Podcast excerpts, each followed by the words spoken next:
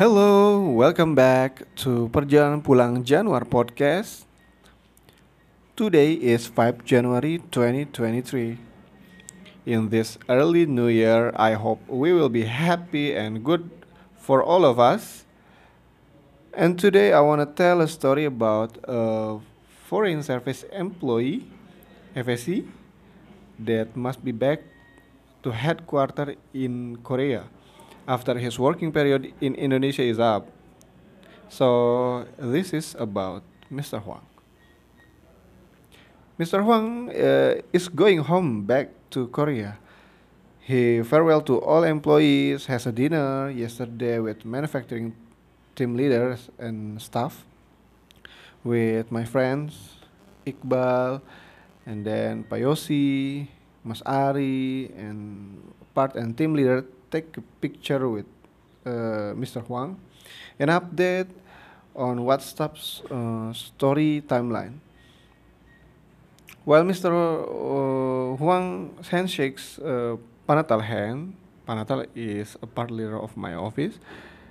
He noticed me and said goodbye to me also, and he come closer to me and he give me a hand, and I and I handshake uh, his arm like Indonesia children greeting to their parents, like uh, wanna kiss uh, uh, his him like that.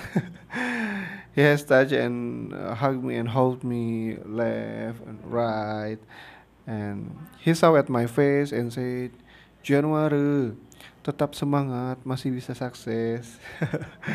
and also pat me on the shoulder with teary eyes. Then he gave me a hand once again to say goodbye.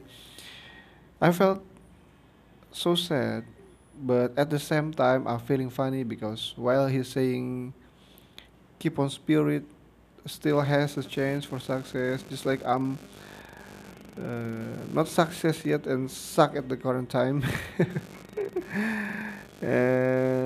I have a little stories about him when I was working on manufacturing team before I moved to general affairs team in 2019. He was my boss at the time. He ordering job to me and I have tried to catch up with the pace. I told at that time he is never satisfied with my performance. That's why he let me move to another department.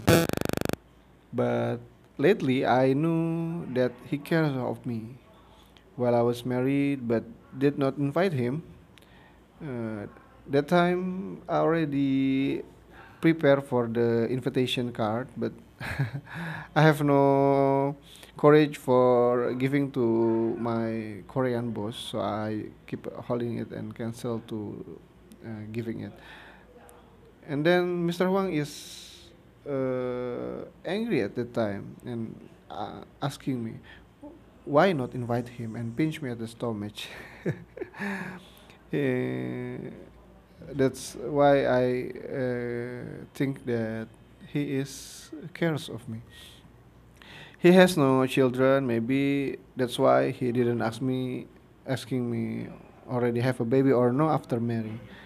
Maybe if he has a children, they were will be as old as me. Maybe. Once again, Mr. Huang is the only foreign service employees that seems like Indonesian people.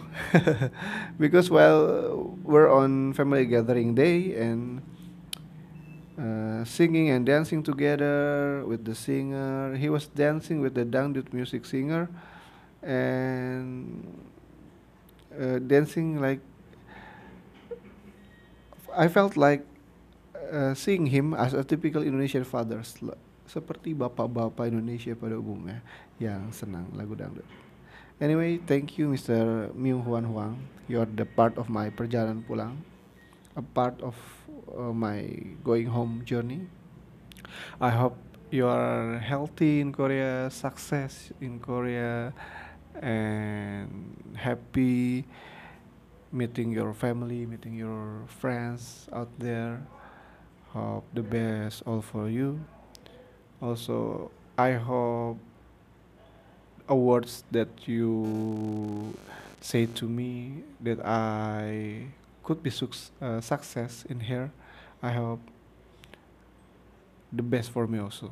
Okay, thank you for you all that listening my podcast. Thank you.